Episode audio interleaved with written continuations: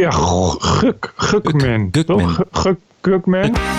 This is the TPO podcast. Drie doden, negen gewonden, waaronder drie ernstig. En heren, ons land is vandaag opgeschrikt door een aanslag in Utrecht.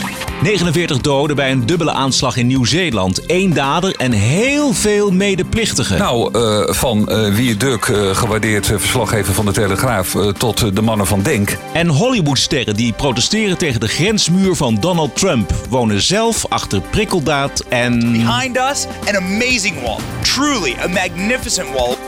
Aflevering 112. Ranting and Reason. Bert Bresson, Roderick Phalo. This is the award winning TPO podcast. Het is maandagavond 18 maart. Waar zit Bert met zijn laptop en zijn microfoon en zijn interface? Nou, in elk geval niet in Utrecht. Tuinhuis is bijna af. Gugman Tanis eh, heet hij 37 jaar, geboren in Turkije, woont al geruime tijd in Nederland, heeft een lang strafblad, waaronder poging tot doodslag in 2013 en in 2017 verkrachting. Wordt vandaag aangevuld met een brute moord op drie mensen in Utrecht, onder wie vermoedelijk zijn schoonzus.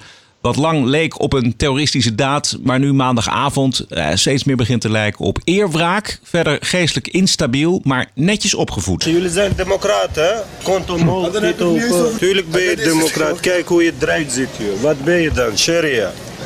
Wat ben ik? Dit is echt een kankermogol, dit. Zijn performance eh, 6,5 jaar geleden voor de camera van Geen Stijl. eh, voor zover wij nu kunnen inschatten. Bert, eh, hoe heb jij eh, vandaag dat nieuws gevolgd? Wij zijn, eh, ik en Bas en eh, nog wat mensen, als ze online zijn, bij dat soort gevallen zijn we allemaal snel mogelijk online. En dan gaat één zeg maar topic aanvullen. En andere mensen die kijken op Twitter en in de media wat er allemaal gebeurt, de ANP. En dat is een beetje hoe ik dan dat nieuws volg. Ja, Want, want het is gewoon, voor mij is het gewoon werk. ja natuurlijk. Ik heb vandaag de drukste bezoekdag ooit. Kennelijk stonden we ineens bovenaan in Google Nieuws. Eh, en, en, en de laatste keer dat ik zo druk had, dat er zoveel bezoek was, was eh, toen, met, eh, toen we filmpjes van eh, ISIS-executies online hadden gezet. Dat was toen op de voorpagina van Reddit terechtgekomen. Ja. Maar nu waren er nog meer mensen dan dat we toe hadden, tegelijkertijd online. En dat zie je dan dat echt ook echt bijna de server plat gaat, zeg Ja, maar. wij merkten dat ook bij RTL. Eh, RTL Z was vandaag de hele dag in de lucht. En mijn verklaring is eigenlijk omdat er nog zo lang veel onduidelijk was over deze zaak. En omdat de man natuurlijk eh, nog heel erg lang op de vlucht was. En niet gevonden was dat, mensen er, dat er zo'n enorme honger is naar eh, nieuwe feiten en nieuws. En dat dat eigenlijk tot, de- tot vanavond toe eigenlijk doorgaat. Want het is nog steeds niet helemaal 100% duidelijk of het nou gaat om een terroristische Nee. aanslag of dat het gaat om eh, eh, eerwraak. Uh, Nordin Abu Bilal Wildeman.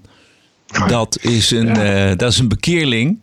eh, en regelmatig te horen bij BNR. Zijn, en, en hij zegt dat hij met 99% zeker nu op maandagavond eh, weet dat de dader mentaal beperkt was. Gewelddadige achtergrond, primaire slachtoffer, ex-partner. Zij was ook slachtoffer in de verkrachtingszaak. Ehm, ja, zijn conclusie is eigenlijk dat het gaat om een bizarre schietpartij in de relationele sfeer. Maar niet om een terreuraanslag. Dat is, dat is zijn conclusie. Nee, maar volgens mij wat ik van meekreeg was er eh, uiteraard Beatrice de Graaf weer bij de Wereld Draait Door. Want die is altijd als het iets met eh, terreur heeft te maken. Ja. En die leek volgens mij te suggereren dat er misschien toch wel weer meer aan de hand is. En dat is dus een eh, ingewikkeld, ingewikkeld ding. Want je hebt natuurlijk te maken met, met iemand waarvan je het eigenlijk niet weet. Want hij had bijvoorbeeld wel een briefje met Allah achtergelaten. Nou is het zo, eh, zeker bij, dit soort, bij deze uh, knettergek figuren... is het dat ze natuurlijk de islam aanhalen als het ze uitkomt. Ja. Dus, dus je, je weet dat dus niet. Dat is natuurlijk het hele probleem. Het is, ik denk ook eh, dat het, eh, eh, eh, zo klinkt het hè, ook, dat zeggen ook die getuigen. Van ja, mensen probeerden die vrouw te helpen. En die werden ook doodgeschoten. Dus die liepen gewoon in de weg. En het was volgens mij ook inderdaad ja, echt gericht. Dus hij wist wie, op wie die moest schieten. Ja. En dat dat dan in een tram gebeurt, dat zorgt natuurlijk dat er meer slachtoffers zijn. Maar ja, tegelijkertijd is het dus iemand waarvan je ja, met zo'n achtergrond waarvan je helemaal niet weet eh, eh, wat er gebeurd kan zijn. Want en de politie heeft vandaag ook eh, in het land, in meerdere plekken in het land, invallen in huizen gedaan. Mhm, Ja. Dus dan ga je je toch afvragen, eh, als het alleen maar een, een incident is, of een geïsoleerd incident, waarom doen ze dat dan? Dus ze zijn daar wel mee bezig. Het is gewoon niet 100% zeker. Nee. Alhoewel, het lijkt er wel op. Dat, dat, dat ben ik met je eens. Het, is, Ja. het lijkt echt op, op iemand die ja, toevallig de tram heeft gekozen, maar dus iemand wilde doodschieten. Ja. Eh, eh, een uur geleden, op deze maandagavond, heeft de politie nog een persconferentie gehouden. En daar is eigenlijk alleen maar gezegd dat hij gepakt is, deze man. Beschrijving, een ooggetuigenverslag van een 21-jarige jonge Niels in het AD. Ja, ja. Hij zegt, het gebeurde in een tramstel achter mij. Er was ineens commotie. De deur van de tram werd geforceerd en er werden ramen ingeslagen. In ons tramdeel was verwarring, maar het bleef redelijk kalm. Er was op dat moment zeker al geschoten in het tramstel achter mij. Je hoorde van die plop, plop, plop geluiden alsof er een geluidsdemper op zat. Daarna zag ik mensen naar buiten rennen, echt voor hun leven rennen. Ik had het gevoel dat hij zich speciaal op één iemand richtte. Want ik zag een vrouw naar buiten kruipen. Omstanders probeerden haar weg te trekken. Maar toen ze dat deden, ging de man speciaal achter haar aan en mikte op die omstanders. Precies. Eh, Rutte zei vanmiddag, maandagmiddag, het volgende. Mocht dit inderdaad een terreurdaad blijken, dan past erop maar één antwoord. En dat antwoord luidt dat onze rechtsstaat, onze democratie sterker zijn dan fanatisme en geweld. We zullen niet wijken voor onverdraagzaamheid. Nooit.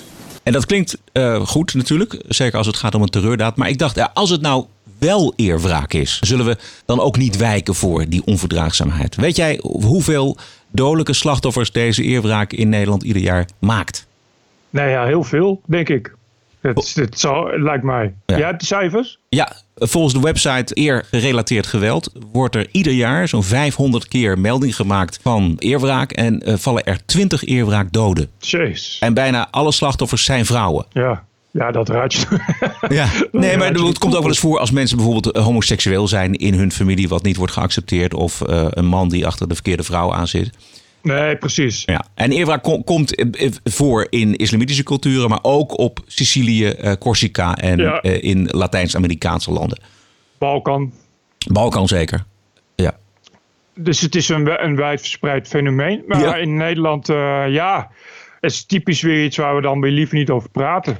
Weet je, eerwraak, eh, kindhuwelijken, uithuwelijken, gedwongen huwelijk, dat soort dingen. Dat is natuurlijk allemaal, allemaal iets waar we ja, liever niet. En dan moet het toch maar weer eh, worden wegges- weggemoffeld onder de juiste eh, statistische aanduidingen.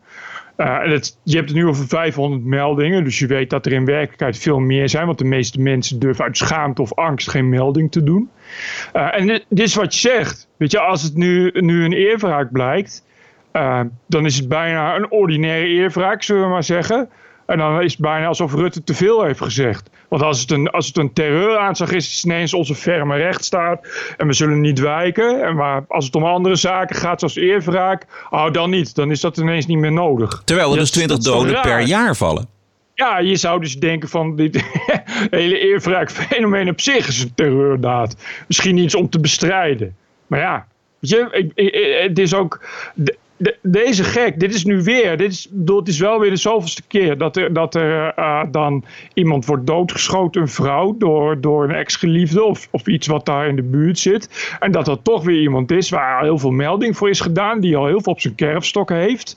Eh, ik- ik begrijp dat deze ook eh, twee weken geleden een regiezitting heeft gehad vanwege een verkrachtingszaak. Dus het kon heel goed zijn dat, die vandaag, eh, dat er vandaag iets, eh, is, eh, iets is uitgekomen. Hij is ook eerder gepakt voor het schieten op een flat, ook in Kanaleiland. Ja. Hij is dus, was zo bekend dat die vuurwapen gevaarlijk is, maar kennelijk is dat geen enkel probleem. Kan hij vrolijk verder met vuurwapens verzamelen.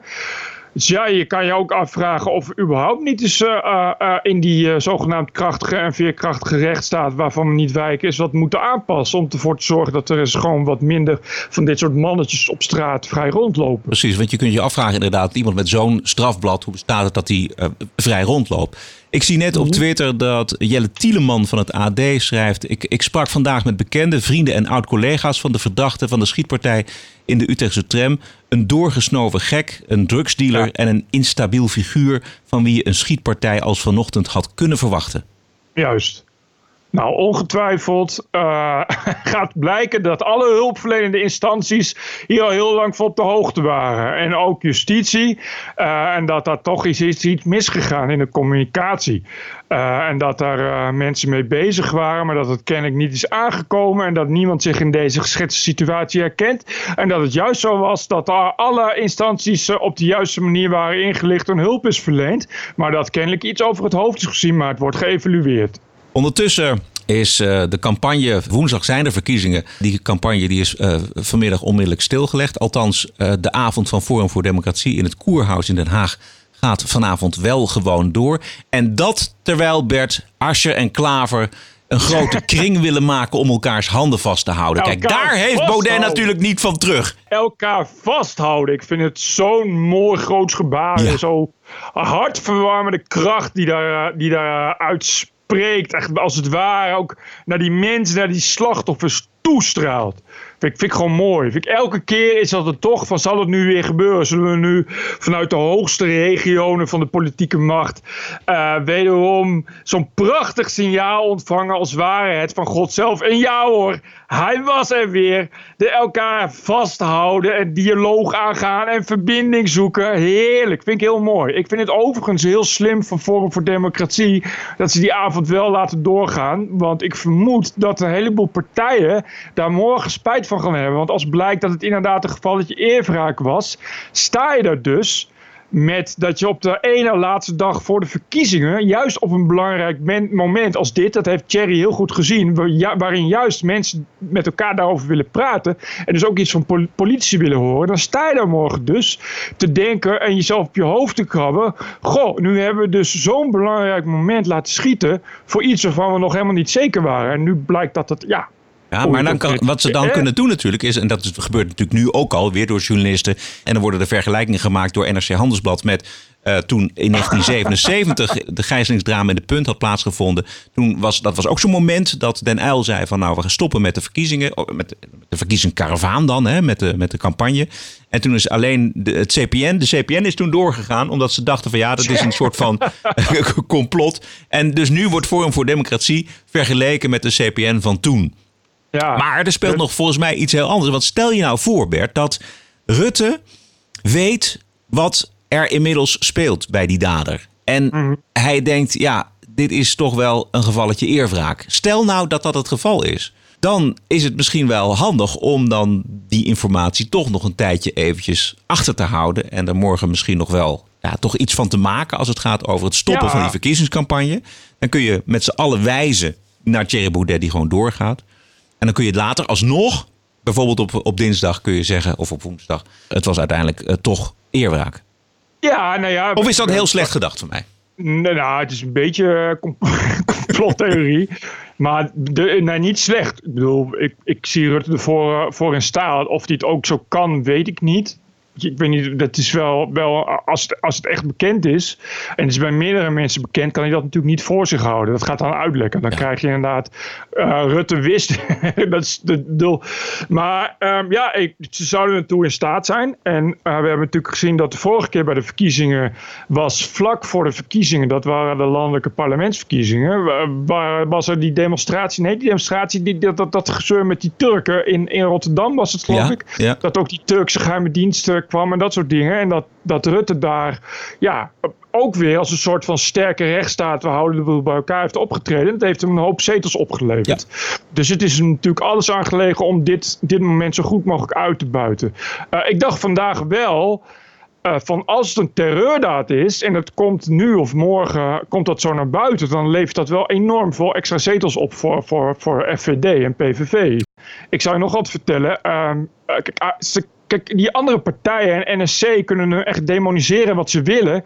Het levert hem gewoon geen zetelverlies op. Dat is echt eh, het, het bijna het magistrale, vind ik, van, van, van de FVD, wat tot nu toe gebeurt. Is dat ze hem gewoon niet kunnen bereiken. Die kiezers van FVD zegt het gewoon niet. Dat zijn ook allemaal mensen die. klopt die, die, die, die, dat zat zijn. En ook juist op de FVD stemmen. Omdat ze dat al zo vaak hebben gezien. En elke keer dat jij als journalist of politicus dit soort dingen gaat zeggen. En dit soort vergelijkingen gaat trekken is het voor die mensen juist een extra motivatie om naar zo'n avond te gaan. Dit soort En- en zaken zijn veel te urgent om elkaars handen vast te houden. Dat, dat is, Ja, dat, ja. dus dat. Overigens wel roepen dat de campagne moet stoppen. Maar ondertussen, eh, Frans Timmermans eh, blijft gewoon doorgaan met campagne voeren. Hij twittert zojuist in gedachten vanuit Berlijn bij de slachtoffers van de aanslag in Utrecht. En al hun dierbaren. Vreselijk wat hen is overkomen. Diep medeleven. Een groot respect voor de fantastische hulpverleners en politiemensen. Ik kan dat niet helemaal loszien van de verkiezingscampagne. Goh, ik ook niet. Meneer Timmermans. Dat lukt mij niet. Nou, Timmermans is... eh, eh, Daar is hij te professioneel voor. Ja, en hij is ook obsessief bezig met die campagne. Hij zat er geloof ik ook niet zo goed voor. Ja. Eh, ik las die tweets ook. Oh, ik weet niet of dit hetzelfde zijn, maar hij had inderdaad in, in het Duits hield hij een verhaaltje eh, op Twitter. Daar was ook een foto dat hij in Duitsland eh, met iets was. En daar stond ook bij dat eh, de sociaaldemocratie opnieuw ging zegevieren. of Ja. iets. En Arthur van Amerongen, die twittert daaronder. Die, die kan ook perfect alle Ja, talen. Die eronder in Ja. keurig Duits. Ah, het staat er anders niet zo goed voor met de sociaaldemocratie in Europa, meneer Timmermans. Weet je dat wel zeker? Het Timmermans is ook echt, echt ja, alles of niets. Die is, is, is, gaat all in en die wil eh, ja, de baas van de Europese Commissie worden. En, en dat was het. Dat is het allerbelangrijkste. Ja, voor hem. Wij gaan eh, zeker nog naar Amerika, want daar gebeurde eh, ook behoorlijk wat deze week. TPO Podcast. Maar we hebben het natuurlijk ook over de aanslag op twee moskeeën in Nieuw-Zeeland. Gruwelijke daad. Eh, ik kon het eigenlijk niet opbrengen om naar die executies te kijken in de moskee. Bert, heb jij dat kunnen kijken? Ja, ik heb het wel gezien. Ja. Helemaal. Die Ja. eh, bijna 17 minuten durende video. Eh, ik moet zeggen dat eh, het grootste gedeelte zie je hem alleen maar rijden in een auto. En het gaat heel snel. Hij, hij stopt.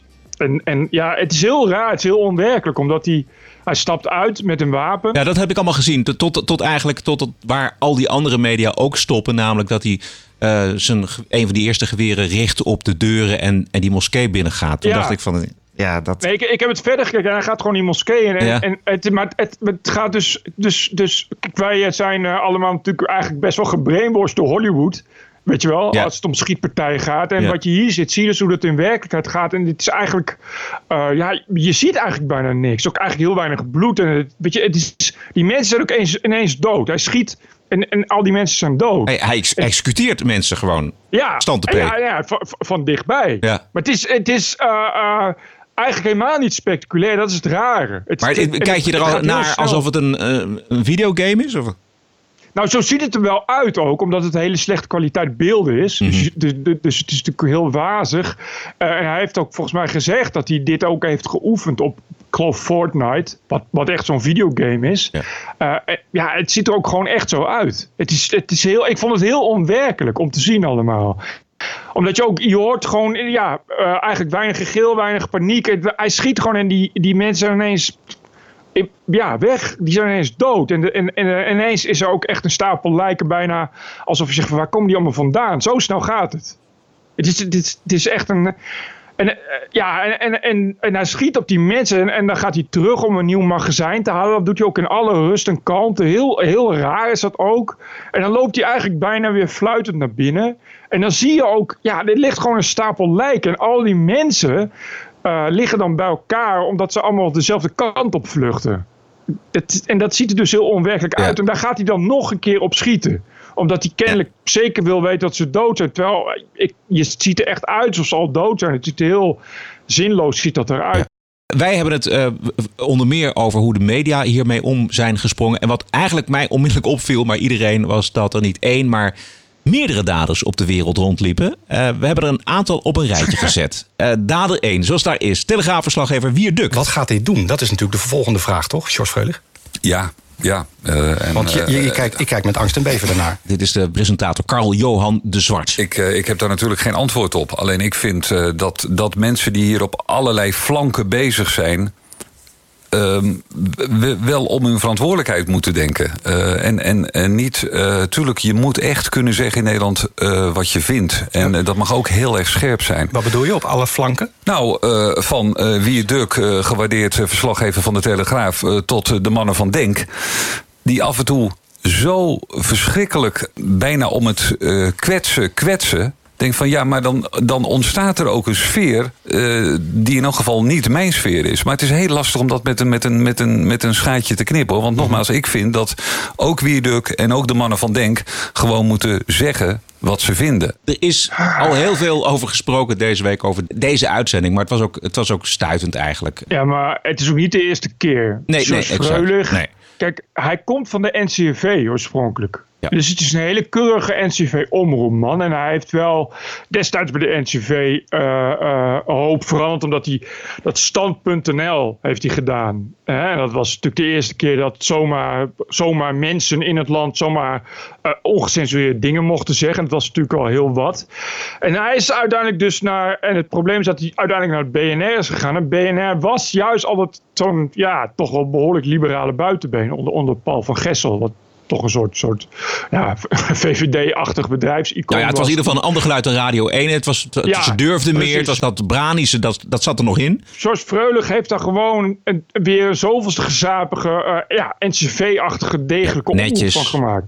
Netjes, keurig, eh, veel fatsoen. En hij heeft destijds toen met dat eh, Geert Wilders minder, minder, minder Marokkanen ding... was ook de enige zo'n beetje die meteen pleitte voor een cordon sanitair om Geert Wilders.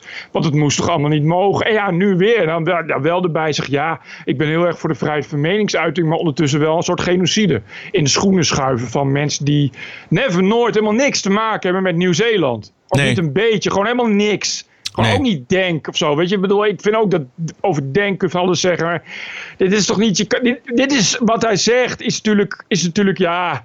Het, het mag allemaal wel, maar we moeten ook de grenzen van vrijheid van meningsuiting eh, in de gaten houden. En je, en je mag het wel zeggen, maar het hoeft niet. Wat hij doet is natuurlijk, hij koppelt een moordpartij aan een Ja, Nederlandse precies. verslaggever. Precies. Weet je, en dat, dat is gewoon slecht. Dat is gewoon echt fout. En wat er gebeurt, en dat zie je dan gebeuren, is dat zo'n aanslag wordt dan gebruikt voor die mensen om eindelijk eens een ja, wraak te nemen op die stemmen die ze niet gelden, die ze niet trekken. Ja. dus dan is het mooi, een mooi moment om Wierduk en nou, eigenlijk, eh, eh, eigenlijk al dat soort dingen. Thierry Baudet en Geert Wilders in, in Telegraaf en Geen Stijl en TPO en nou you name it. Ja, die zijn, die zijn allemaal medeschuldig. Je voelt daar ook echt, dat vind ik het, het opvallende. Je, je proeft daarin die bloeddorst die daarin, door, die Ja. daarin doordringt. En je voelt echt hoe blij die mensen zijn van, aha, eindelijk, eindelijk is even een moment om eens even lekker Wierduk de poep in te duwen. En anderen tot de orde te roepen. Want dat is feitelijk wat ze doen. Gelukkig zat Paul Jansen er ook. En dat werd dan toch wel een interessant gesprek. Laten we even luisteren naar de hoofdredacteur van de Telegraaf. Nou, ik heb er toch echt wel bezwaar tegen dat je, dat je in één zin eh, deze eh, politici die polariseren eh, noemt met een verslaggever van in dit geval de Telegraaf. Die verslag doet van de overigens Mhm. wie- open zenuw wie- die wie doet niet alleen verslag, die heeft een mening. Die heeft een mening. Een, een journalist mag wat mij betreft eh, ook een mening hebben. Hij bedrijft geen, geen politiek en eh, heeft eh, geen eh, politiek doel. Nee, maar hij, hij is een opinieleider, toch? Daar ben je toch wel met me eens, of niet? Op sociale media Ja. is, dat, is Ja. dat zeker het geval. Nou, en Maar daarom zet ik, hem daar neer. het- En, en, en zet ik de, de mannen van Denk, ook opinieleiders, ook politici, heb je gelijk in, zet ik aan de andere kant neer. En willen wij in een samenleving eh, leven waar dit soort gasten eigenlijk een heleboel eh stronten over andere mensen heen gooien? Ja, ik, nogmaals, ik maak daar echt, echt bezwaar tegen over stront over andere mensen heen gooien. Als je het hebt over een verslaggever van de Telegraaf. Die samenleving was toch zo perfect. Toen kwam Wierduk. En oi, oi, oi, kijk eens in wat voor nare, kwetsende, gemene... en vooral onfatsoenlijke samenleving we nu leven. Plus dat hij een journalist, eh, iemand die de macht en de, en, en de samenleving kritisch moet volgen, gelijkstelt met eh, politici. Dat vind ik ook niet oké.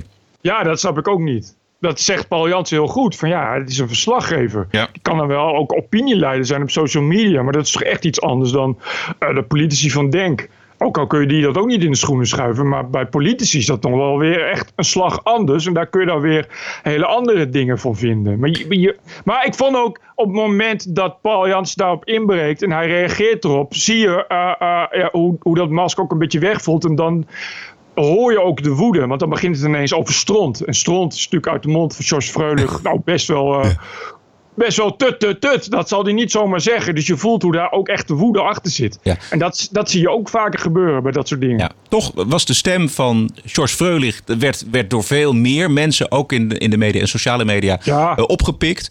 Eh, eh, in die zin was het natuurlijk een interessant debat. Maar toen gebeurde dit. Wat waren ook Ehm, alweer de woorden, eh George Freulich, van eh, de Nieuw-Zeelandse premier Ardern, zei je net aan het begin van de uitzending? they are us. They are us. Zullen we het hier even bij laten en verder gaan naar het volgende onderwerp? Nee, nee, nee. Nee, Karel Johan de Zwart. Niet zoeken naar 1. iets gezelligs en dan afsluiten. Dit is gewoon boeiende radio. Nou, ik, Geert Wilders is inderdaad lastig om te krijgen. Ik zit eerlijk gezegd nog met die vorige opmerking in mijn hoofd van mijn, eh, buurman Jansen. over een verslaggever van de Telegraaf. Eh, dan denk ik Peter K. die volgens mij met Francisco eh, van Jolen eh, van Joop.nl. Nou jongens, als je het hebt over eh, Ja. mensen die er hard ingaan. Dus ik, ik, ik Daar gaat, maar, maar, maar, Nee, nee, George, ik Maar heb- zullen we, ik zullen we heb- dit onderwerp toch... Ik wil graag even Nee, verder, ik want vind anders het, blijven zo hangen. Nee, want ik vind het een interessant onderwerp. Ja, ik ook. Ik, heb, ik heb er echt een probleem mee. Heel goed, Paul want- Jansen. Want wat jij doet vind ik echt gevaarlijk. Eh, namelijk, je gaat journalisten die vroeten in open zenuw in deze samenleving. En je weet, er zijn, er zijn eh, een aantal aspecten in onze maatschappij... die zeer gepolariseerd liggen, die zeer gevoelig liggen. En daar zit juist, hè, als het al gaat over de cultuuroorlog... of over discussie rond Zwarte Piet, of verzin het allemaal maar... daar zijn journalisten als eh, met name Wie het Duk zijn... daar heel goed in aan het graven. En eh, ik vind de termen die jij net bezigt... daar- dat vind ik gewoon echt, echt eh, buitenproportioneel. Oké, zullen, we, zullen we nu... Het, nu heb je je punt gemaakt. Is het oké nu? Kunnen we verder met Geert? Nu heb je je punt gemaakt. Oh man, wat een weggegooide zendtijd dit. Dit is toch doodzonde. Ja, weggegooid belastinggeld. zo. Oh my god. Ja, dit is, dit is dus oude radio. Ja, dit is oude radio, precies. Dit is op een, op een briefje radio. krijgen en jij begrijpt het, jij begrijpt het precies, Bert. Dit is, op, een- dit, is op, dit is een draaiboek hebben en dit is een Precies. eindredacteur die aan de andere kant van het raam zegt... we moeten door, we moeten door, want we hebben nog meer onderwerpen. En dan, als er zoiets ontspint, het dan maar weggooien. Ja, doodzonde. Ja, je kan, maar ik, ik, ik snap nog wel, weet je, wel, je hebt niet eeuwig zendtijd. Je kan toch een onderwerp overslaan. Je kan dan toch zeggen, eh laat Ja. even hier maar op door. Je kan toch gewoon zelf denken en zelf schakelen, weet je. Ja, het is allemaal zo nos. Ah, dit is de reden waarom podcasts zoals de onze zo populair zijn. En eh, analoge eh, eh, oud-mediale radio, eh, waar, waarom het daar zo slecht mee gaat. Precies om dit. En ik vind dat Paul Jans het uitstekend doet, Ja. moet ik even zeggen. Ja. Ik had dit nog niet gehoord. Ik had alleen eh Freulich gehoord. Maar dat zegt hij dus inderdaad uitstekend. Bovendien, ik vraag me ook af waar Paul, of eh, George Freulich was toen er eh, een brandende bestelbus bij de Telegraaf naar binnen reed. Overigens vroeg me dat ook af bij al die burgemeesters die dezelfde dag na de aanslag nog in allerlei moskees gingen praten. Waaronder Femke Halsema, eh, die zei dat we allemaal deze, deze aanslag ons allemaal treft. En dat het, eh, ik geloof dat Femke Halsema toch nog eh, iets heel belerend zei over hoe erg het is gesteld eh, tegen de moslims. Ik weet niet meer exact, dus ik, ik hou me er even buiten. Eh, en toen vroeg ik me af, goh, waar waren al deze mensen toch tijdens die aanslag eh, met het brandende bestelbusje op het gebouw van de Telegraaf? En toen zaten ze in een zaal te klappen en te joelen omdat Tommy Wieringa zei dat het hoog tijd werd dat er een aanslag werd gepleegd op de Telegraaf. Toen Ja. dacht ik, goh, dat vind ik toch een mooie, mooie, mooie vergelijking dat dat toch zo mooi bij elkaar komt. Weet je, dat je in Nederland toch altijd wel een beetje kunt voelen eh, dat het een het ander niet is. En dat gelijkheid toch altijd betekent dat de ene ietsjes gelijker is dan de andere. Dader 2 en 3 zijn natuurlijk Geert Wilders en Thierry Baudet. De- Eh, we hadden eh, een, een tweet van eh Nashdin Djagar. ja, De beroemde Gouden Kalfwinnaar, een geweldige acteur. En die schreef: De ex- rechtsextremist die dit heeft gedaan, staat voor nota bene dezelfde ideologie als politici als Wilders en Baudet. En Frans Timmermans, zijn naam is al eerder gevallen, is eh, nog steeds op tournee. En zondag was hij in Rotterdam. Maar je ziet op allerlei plekken in Europa politici opstaan die zeggen: wij witte christenen worden verdrongen uit ons eigen land weggejaagd. Ehm, eh, er- vindt, eh, wat zei die idioot ook, ook alweer, homeopathische verdunning plaats. Dat soort dingen allemaal worden gezegd. En dat is. Dat zijn de gedachten die bij mensen die niet goed sporen ertoe kunnen leiden dat ze geweld tegen andere mensen gaan eh, gebruiken. Ja, ik, ik, ik krijg hier een ontzettend Ad Melkert versus Pim Fortuyn gevoel bij. Eh, en ik kan me herinneren dat daar eh, toen ook allerlei eh, gedachten vanuit de PvdA werden geuit. En dat er ja, iemand was die ook een beetje ja, zwakke geest had en een zwakker in de samenleving. En ja, toch besloot om dan maar geweld te gebruiken. Dat Ja. is waar ik dan aan denk. Heel gek. Ik vind het echt heel gek. Maar ik kan daar toch dat beeld van Ad Melkert en, en een dode Fortuyn krijg ik er dan niet meer uit. Oké, dader 4. Donald Trump. Dit is anchor Aaron Burnett van CNN. uh, using the word invade today to talk about people of color coming into the United States. On the same day, you have a person massacre people calling immigrants invaders. That's just some of the rhetoric. Right. Coming from the very That's- top that's ex- in this country. Yeah.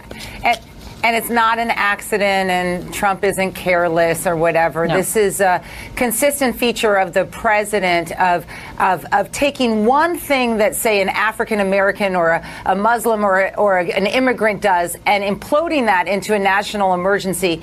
The president knows exactly what he's doing. I cannot get into his heart. But what I can say is that the failure to condemn this from the top, as you know, as compared to say what the New Zealand Prime Minister did, gives a sense of um, acceptance, if not lack of condemnation, to those who believe it. Drie mensen op CNN die precies hetzelfde vinden. Trump zou de daad van de aanvallen in Nieuw-Zeeland niet veroordeeld hebben. Nou, dit is wat Trump erover zei. Earlier today, I spoke with Prime Minister Ardern of New Zealand to express the sorrow of our entire nation following the monstrous terror attacks at two mosques. These sacred places of worship were turned into scenes of evil killing. You've all been seeing what went on. It's a horrible, horrible thing. I told the Prime Minister that the United States is with them all the way. 100%, whatever they need, we will be there. Wat is dit nou, Bert? Is dit, dit is toch een, een veroordeling van wat er gebeurd is in Nieuw-Zeeland? Het lijkt mij dat eh, Obama exact hetzelfde zou hebben gezegd. Eh, wel om de belangrijke reden dat het in Nieuw-Zeeland gebeurt. En er ook verder niet zo heel veel over te zeggen valt dan dat je je medeleven kan, eh, kan geven. Je kan namelijk moeilijk zeggen, moeilijk zeggen ik ga hier hard tegen optreden. Morgen invasie van Nieuw-Zeeland of zo. Dus, dus ja, dat houdt een beetje op. Maar wat ze dan zeggen is van ja, maar Trump is ja... Die heeft toch eh, ja, de dogwissel voor white nation- nationalism. En ja, die dader was obviously een soort neonazi. Dus, dus het is allemaal sowieso de schuld van Trump. Dus, want het is allemaal gebeurd in, een- in een groei van haat. En van eh, steeds extremistische haat tegen moslims. En ja, dat is gewoon allemaal de schuld van Trump. Ja. Sowieso. Ja. Trump moet eh, eh, zeg maar de ideologie die deze jongen gedreven heeft, van boven naar beneden, van links tot rechts, helemaal eh, afkeuren en veroordelen. Dan pas is hij in orde. Zolang Trump dat dus niet doet, is hij rechtsextremistisch, een neonazi. What is the purpose here, Bob? I mean, He, he's appealing to his base. This is dog whistle politics, and it is racism, and you can't describe it any other way. When he called immigrants animals, it was the same as Adolf Hitler uh, used to call foreigners animals, Jews and, and gypsies. It, it's the same politics. It's neo Nazism. Dus hier houdt een setje mensen op CNN de president eh, voor een racist. Eh, en vergelijkingen met nazi's en Adolf Hitler eh, vliegen de huiskamer in. En Trump- omdat Ja. Trump de immigranten beesten zou hebben genoemd. Trump heeft... Wat niet waar was. Wat niet waar was. Want hij heeft gangleden van de gangs van, van MS-13 beesten Ja, genoemd. dat, bij CNN destijds keurig weggeëdit. Laten wij er nog eventjes naar luisteren. You wouldn't believe how bad these people are. These aren't people. These are animals. But what was downplayed or ignored was that Trump was responding to California Sheriff Margaret Mims on the frustrations in tracking MS 13 gang members. And you know I'm referring to the MS-13 gangs that are coming in.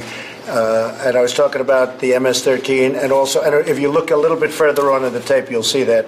So I'm actually surprised you're asking this question. Ja, maar dat verhaal komt CNN dus niet uit. Nee, dat is, dat is keurig, keurige journalistiek wederom van, van eh, CNN.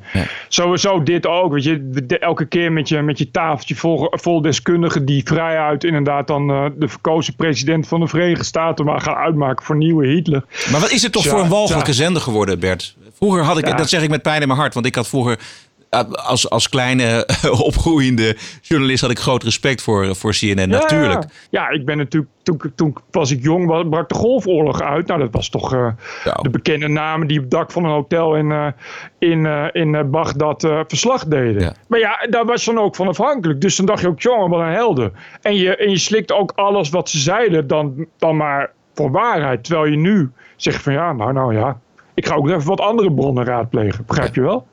Dus, dus het is gewoon anders geworden, waardoor je dat veel meer ziet. Maar het is, eh, het is- wat je laat horen is ernstig. Het is echt heel, dat is echt heel ernstig. Het is echt vrij sick. Ik vind echt vrij sick. Ik vind, ik bedoel, je, ik, je kan niet... Ik, Ik vind dat je gewoon niet zomaar, je kan niet zomaar on, on- onbeperkt de president ook voor dat soort dingen echt uitmaken. Nee. Dan, je- dat is gewoon wel. Maar weet je, het, wat, zo, wat zo erg is, en ik, en ik weet niet of iedereen eh, die luistert die, dat doorheeft, maar wij weten hoe dat werkt. Eh, zeker bij, bij televisie. Mhm, eh, mhm. je, je gaat, er is in dit geval is er een eh, aanslag eh, met eh, 49 doden in Nieuw-Zeeland. En dan zoek je dus twee mensen waarvan je weet als zender, Exact. als redactie, wat ze gaan zeggen. En je weet precies waar je moet prikken. Je prikt daar en die, die mevrouw loopt leeg. En je prikt vervolgens daar. En dan kijk je met een heel ernstig hoofd in de camera. En zeg je: God, hoe moeten we dit nou duiden? Wat moeten we hier nou van maken? Je weet dat hij dat hij toegaat naar eh, Trump is een neonazi en een racist, et cetera. Ja, dit, maar dat is gewoon niet in de haak. Dat is, Ja, dat, is, dat, gewoon, dat deugt van geen kant. Dit is wel echt een smet ook op het vak van journalistiek. Het is, het is eh, net als eigenlijk wat, wat NRC Handelsblad de laatste jaren is gaan doen. Het is gewoon het verzamelen van eh, analyses en van opinies die je uitkomt, die je wenst te propageren. En dat is wat er gebeurt. Dat is wat er, en daarom is het ook niet meer om aan te zien, CNN. En daarom is NRC Handelsblad ook ehm, wat minder geworden sinds eh, tien jaar geleden. We gaan naar dader 5. Mededader, medeschuldige. Chelsea Clinton, dochter van Bill en Hillary. Zij had eh, zich uitgesproken tegen het antisemitisme van Ilan Omar, de democratisch congreslid in Amerika. En werd ter verantwoording geroepen door een social justice warrior, een NYU-student. after all that you have done and all the Islamophobia that you have so sorry. This, this right here is the result of a massacre stoked by people like you and the words that you put out into the world. And I want you to know that, and I want you to feel that deep inside. The 49 people died because of the rhetoric that you put out there. What does I'm sorry you feel that way mean? What does that mean? Nou, het is een beetje, een beetje lastig te horen, maar ze zegt het toch heel duidelijk. Hè, de- de- Die 49 doden, dat is- komt door jou, door jouw retoriek, door wat jij zegt over die Oemar. Ja, je moet even erbij zeggen dat het, dit dus op een herdenking was. Hè? Op een, op een eh, bijeenkomst voor die slachtoffers in, in eh, Nieuw-Zeeland. Ja. Dat is belangrijk. Dus die, de- deze social justice warrior is naar een herdenking gegaan, bewust. Om daar dus Chelsea Clinton te gaan lastigvallen. Die overigens kennelijk een hele goede mediatraining heeft. Of gewoon een talent. Dus die reageerde echt perfect. Om door een ringetje te halen. Die zag je niet opwinnen, helemaal niks. Dus die, die, ja, de, ze hadden er ook niet echt vat op. Eh, op de achtergrond hoor je vingergeknip. Dat zijn andere social justice warriors. Want klappen mag niet. Want dat is offensief en kwetsend. Ja, ik, ik zeg het er maar even bij. Ehm, eh, ja, eh, het is eh, de meest vuile retoriek die je kunt bedenken. Wat ze zeggen is, dat zeggen ze de hele tijd, words do matter. En als jij dan zegt, ja, maar dan zegt ze, ja, nee, maar jij bent, jij bent medeschuldig aan een, aan een massamoord. Doordat je iets hebt gezegd. Weet je, want jouw woord is het foute woord. En dat is zo erg dat daar mensen door op grote schaal worden door vermoord. Ja, dat is natuurlijk pure Maoïstische retoriek. Exact, exact. Het is, het, is, het, is, het is zo smerig. Het is 49 dode mensen gebruiken om de mensen waar jij het niet mee eens bent, om die de mond te snoeren. Je- Want je voelt erin dat de enige conclusie die je, als je dat, als je dat serieus zou nemen, die je dan kan, kan trekken, is dat heel veel mensen gewoon op moeten houden met praten. Ja. Letterlijk. Dat er gewoon echt letterlijk, dat is ook wat ze willen, letterlijk dingen niet meer worden gezegd. Nooit meer. Het is een manier, het is een manier om, de, om, de, om de mond te snoeren van, van je tegenstanders. That's it. Yes! En, en terwijl, ik bedoel, Chelsea Clinton is toch niet, staat toch niet echt bekend als eh extreem rechts conservatief. Amerika. Nee. Weet je wel? Dat is, ik bedoel, die heeft gewoon keurige, in democratisch keurige bewoordingen kritiek geuit op dat antisemitisme wat van die hoofddoekjes in, in, de, in, de, in het congres komt. Kennelijk. Ik, ik neem aan dat het daarover ging. Eh, en dat betekent dus dat je dat soort kritiek niet meer mag leveren. Dus dat je dat soort antisemitische uitspraken maar moet laten gaan. Want het is of kiezen, of kritiek hebben op, op congresleden die antisemitische uitspraken doen. Ja, of, of 49 doden op je geweten hebben. Nou, Ja, het dan is de keuze natuurlijk Precies. snel gemaakt. Het zegt ook iets over hoe dicht de social justice warriors, deze althans, eh, aankruipen tegen het antisemitisme. Ja, natuurlijk. Tuurlijk. Tuurlijk. Ik bedoel, ze verdedigen hier. Dit zijn natuurlijk hun congresleden die ze hier verdedigen. Ja. Dader 6, en dan, dan hebben we het wel zo'n beetje gehad, maar er waren nog veel meer daders. Eh, De dader 6 is de nationale vlag van Nieuw-Zeeland. Want de gemeente Amsterdam die projecteerde de Nieuw-Zeelandse vlag op het Centraal Station. En onze grote vriendin Bert, eh, migrant Noerhussen, die tweette daar het volgende over. Om eerlijk te zijn vind ik een nationalistisch symbool als een vlag echt misplaatst na de aanslag in Christchurch. Wit nationalisme is één van de redenen dat er moslimhaat is. Ik vind het wel kwetsend voor alle Maori's die in Nieuw-Zeeland wonen. Ja. Om, ja. om nog maar te zwijgen over alle ingeburgerde allochtonen die in eh, Nieuw-Zeeland wonen. Ja, of wat Maar dacht je van het- alle vlaggen die er in eh, Afrikaanse landen worden gevoerd? Dat zijn ook allemaal nationale symbolen. Ja, dit is wel. eh, maar goed, het is goed dat we het weten dat vlaggen ook kwetsend zijn. Het is goed om daarop te letten ook, vind ik. Want je, je kan niet voorzichtig genoeg zijn. Je denkt wel, dat denken mensen dan van, nou, dit is alleen maar een vlag. Dat kan echt niet kwetsend zijn. Nee, dan heb je migrant Noes nog niet gehoord. Die moet je dan eerst raadplegen. Dan zul je erachter komen hoeveel dingen alsnog kwetsend zijn, mensen. Ja. Heel belangrijk, heel belangrijk. Nou, om dit eh, onderwerp eh, toch voor nu eventjes af te sluiten. De Britse schrijver en radiopersonality Majid Nawaz. There is a difference between individuals who incite violence and individuals who express political views that you do not agree with. And so some of these lists, and I've seen them with my own eyes, I've been posting about them today. Some of these lists, and yes, it is as terrifying as that. Lists of individuals who have been deemed personas non grata being pushed out there by very well established left wing, far left, and pro Islamist commentators saying these are the individuals you need to go for after the New Zealand attack. It is as terrifying as what the people must have felt like after the purges, for example, in the Soviet Union. This is not how to behave. Yes, the attack that happened in New Zealand was horrific, an act of terrorism by a far right extremist. Yes, Muslim communities are scared right now. But the solution to that isn't to make other people as scared by inciting a mob to go after them, as if we've suddenly forgotten the Manchester Arena attack, as if we've suddenly forgotten that jihadists also go and kill people. And if you start listing people in this way, you're providing targets, a hit list for jihadist terrorists to go around eliminating people. TPO Podcast. Is heel anders. Het kabinet heeft er weer een nieuwe taak bij: het controleren van de etalages van winkels. En dan met name boekwinkels. Gewoon even rondneuzen en kijken welke boeken vooraan in de etalage moeten en welke achteraan of welke helemaal niet in de etalage moeten. Zo wil staatssecretaris Blokhuis van Volksgezondheid dat bol.com stopt met de prominente verkoop van boeken die pleiten tegen vaccinatie van kinderen. Nou vind ik eh, het nogal ernstig dat ouders hun kinderen eh, zulke grote risico's laten lopen eh, door ze niet in te enten. Maar is dit de manier? Dat is de vraag. Nee, dit is natuurlijk. dit is zo echt. Ik vond, het, ik vond het zo treurig en grappig tegelijk. Ja. Weet je, dat, je, dat je dan denkt. eh, weet je, je merkt dat dat bij zo'n politicus dan toch. Ja, ja, valt toch af en toe tegen die vrijheid van drukpers. Weet je, eh, laten we dan toch maar even proberen of we dat dan misschien toch niet.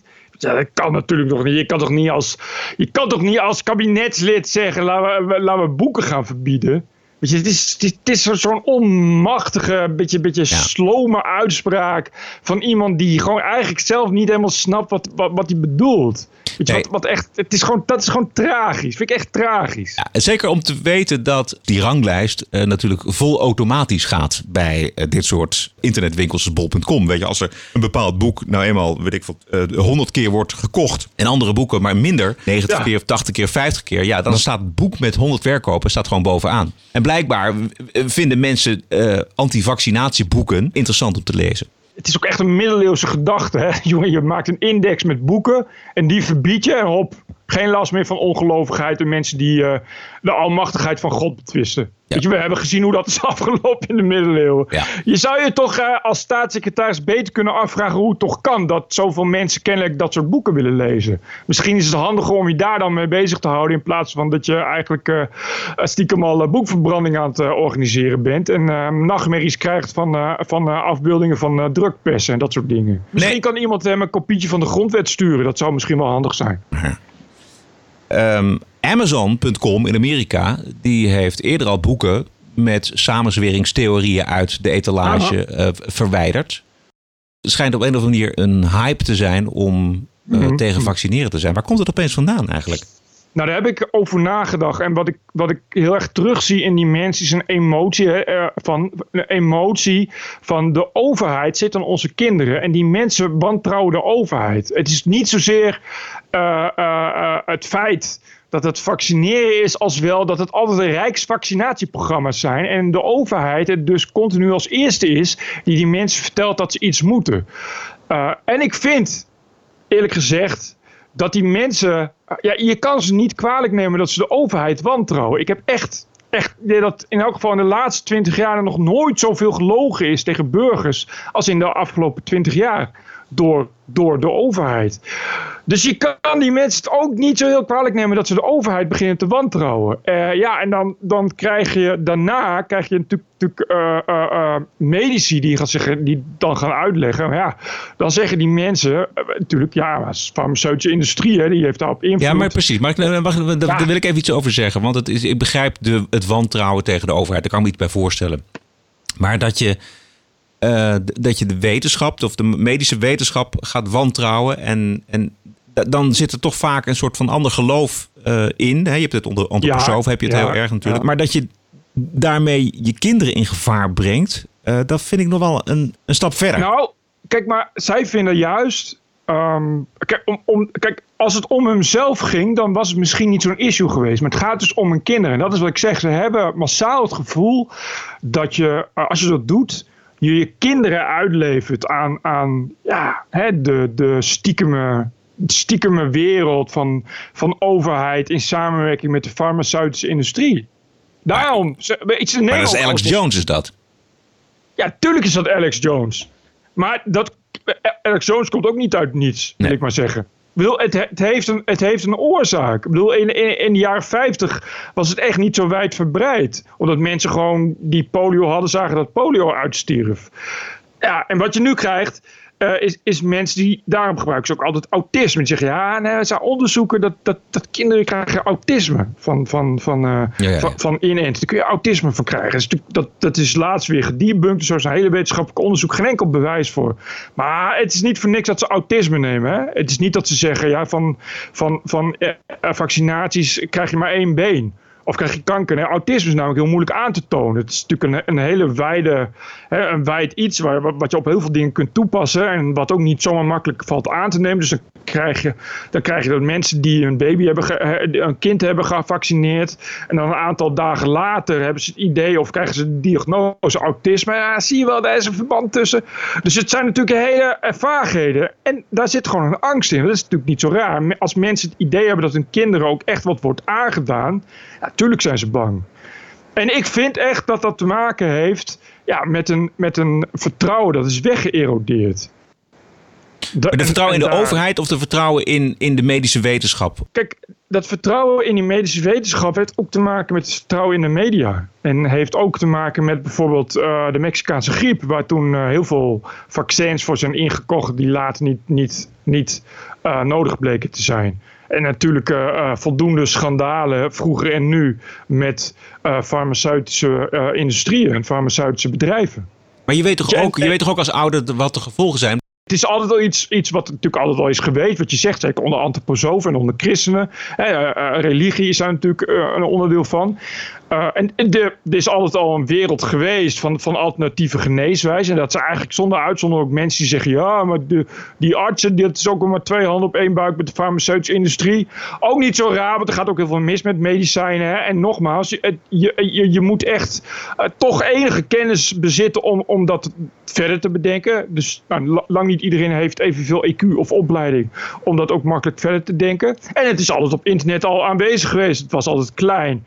Ja, en het is groter geworden. En, en, maar dat wijd ik toch echt aan een, aan een ja, snel afbrokkelend vertrouwen. En hoe vaker die overheid roept dat het moet en dat dat echt niet waar is. En, en, dat, en dat die mensen schadelijk zijn, hoe meer die mensen geneigd zijn om dat in twijfel te trekken. Ja.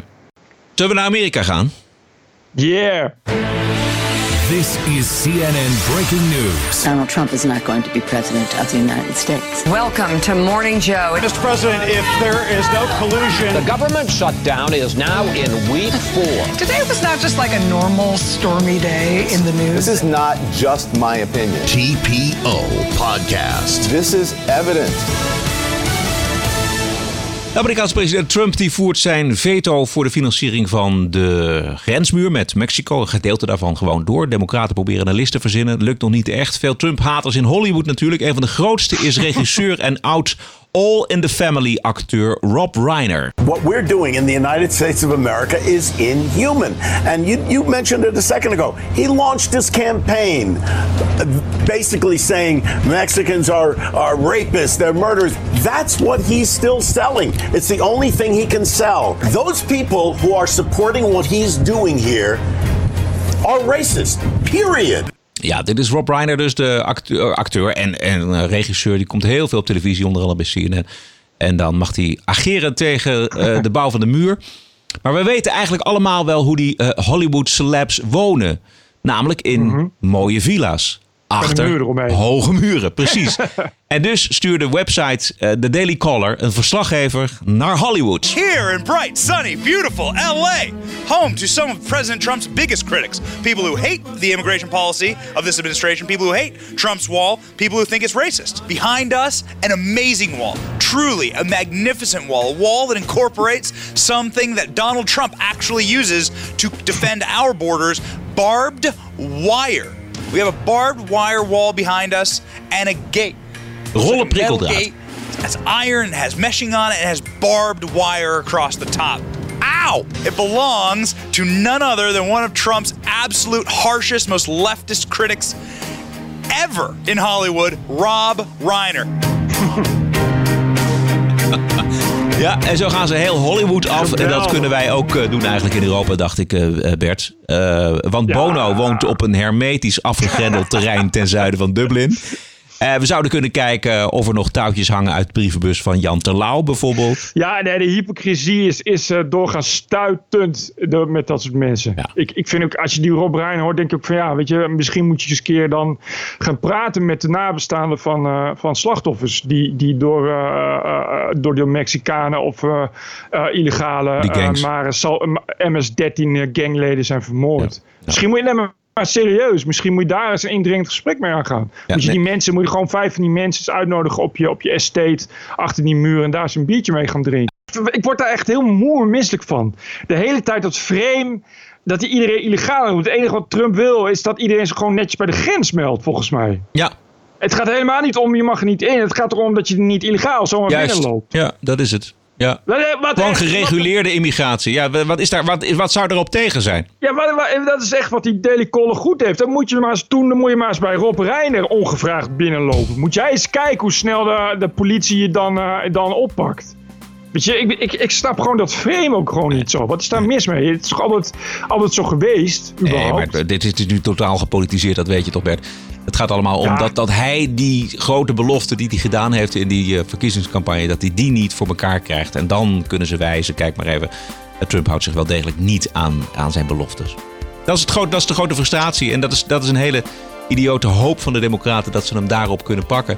En dat ze daarmee de verkiezingen kunnen winnen in 2020. Dat gaat natuurlijk niet gebeuren. Maar, Nou, binnenkort komt het ja. bewijs van de collusion met de ja, Russen. ja. Weten we allemaal. Containers aan bewijs gaan over ons uitgestort worden, mensen. Ja. Bert, ik heb, eh, dit is het zo'n beetje.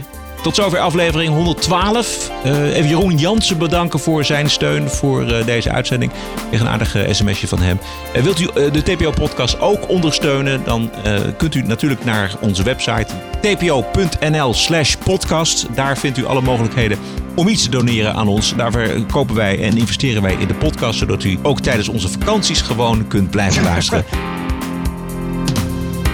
Wij zijn terug dinsdag 26 maart. Heb een mooie week en tot dinsdag. Heb een mooie week. Podcasting is The TPO podcast in the Netherlands. Bert and Roderick. What a show. I'm telling you.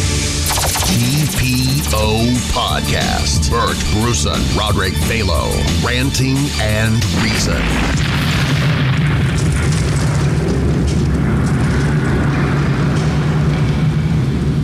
This is not an opportunity for you to go after your political opponents, exploiting this tragedy for your own political ideology. It is dangerous. Lists are for fascists.